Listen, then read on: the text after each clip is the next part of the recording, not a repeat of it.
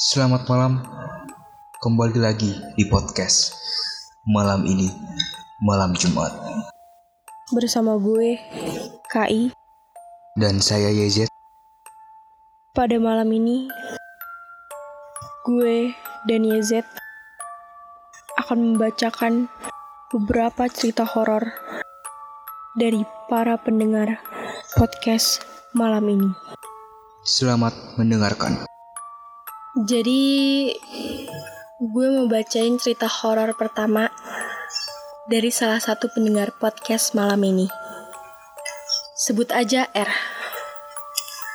Sebenarnya si R ini jarang ngalamin hal-hal mistis. Cerita ini udah cukup lama juga, waktu dia kelas 6 SD. Singkat cerita, pas lagi bulan Ramadan, dia tuh mau pergi sholat tarawih.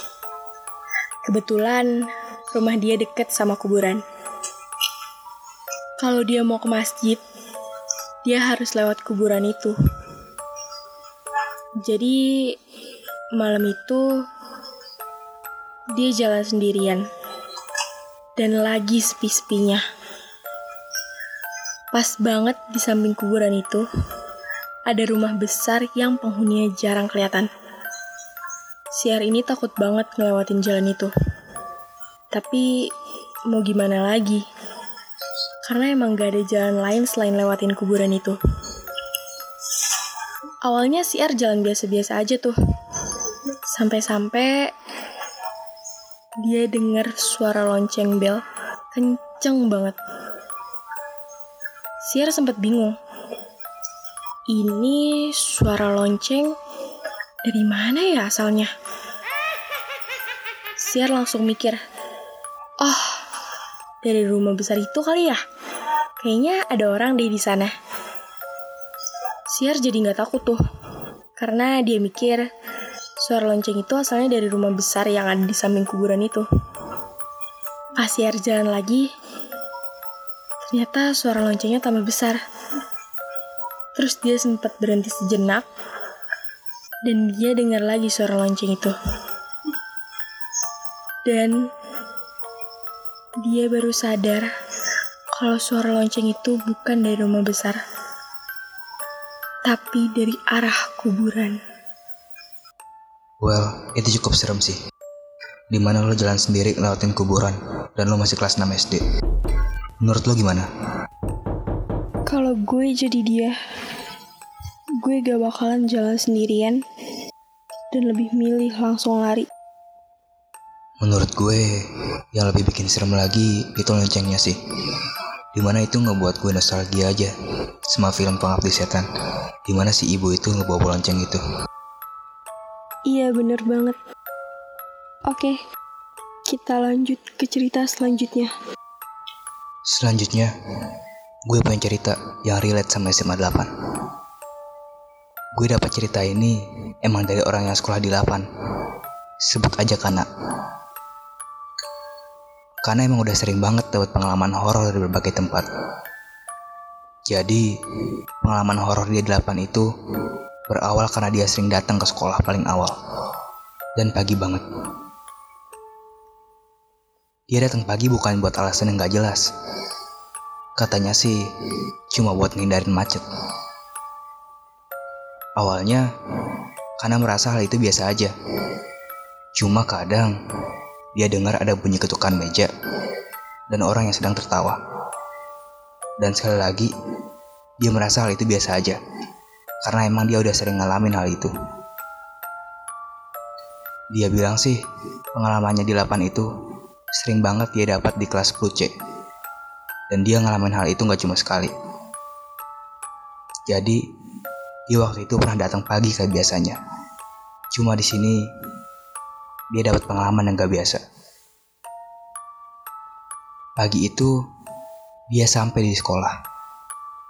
Tapi karena mungkin dia datangnya kepagian, sekolah masih gelap dan cuma lampu di depan ruang piket yang nyala. Tanpa basa-basi, dia lanjut aja jalan ke kelasnya.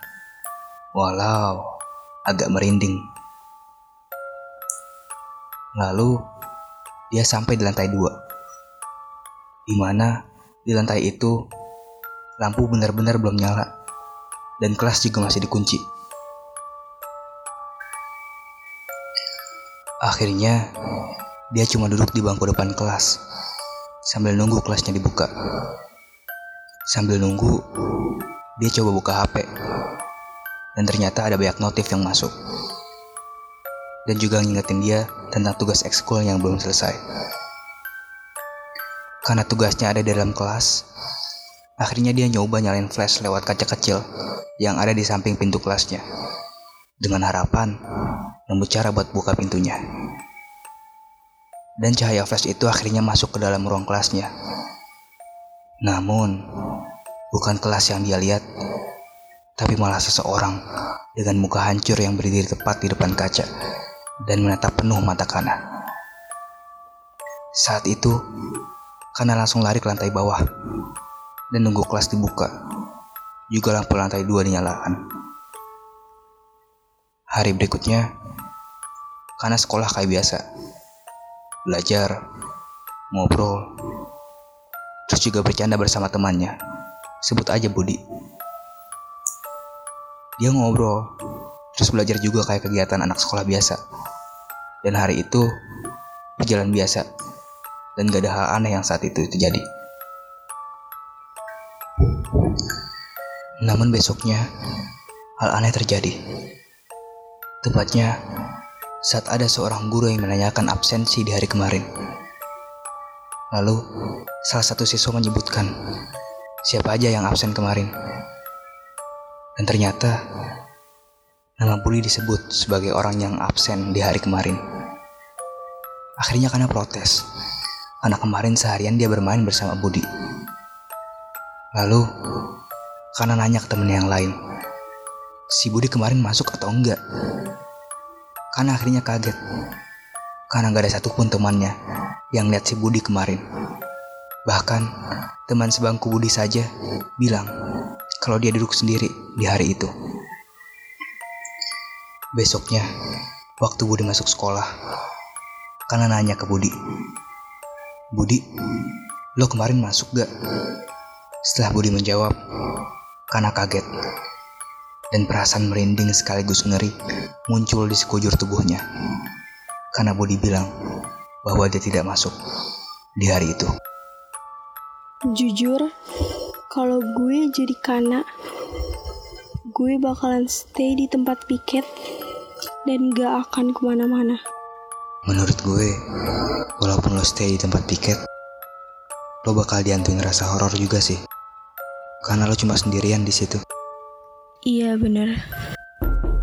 Um, Z. Tunggu deh. Kok gue ngerasa hawanya gak enak ya? Wait, kok tiba-tiba bulu kuduk gue naik ya? Tapi udah apa-apa, lanjut aja ke cerita lain.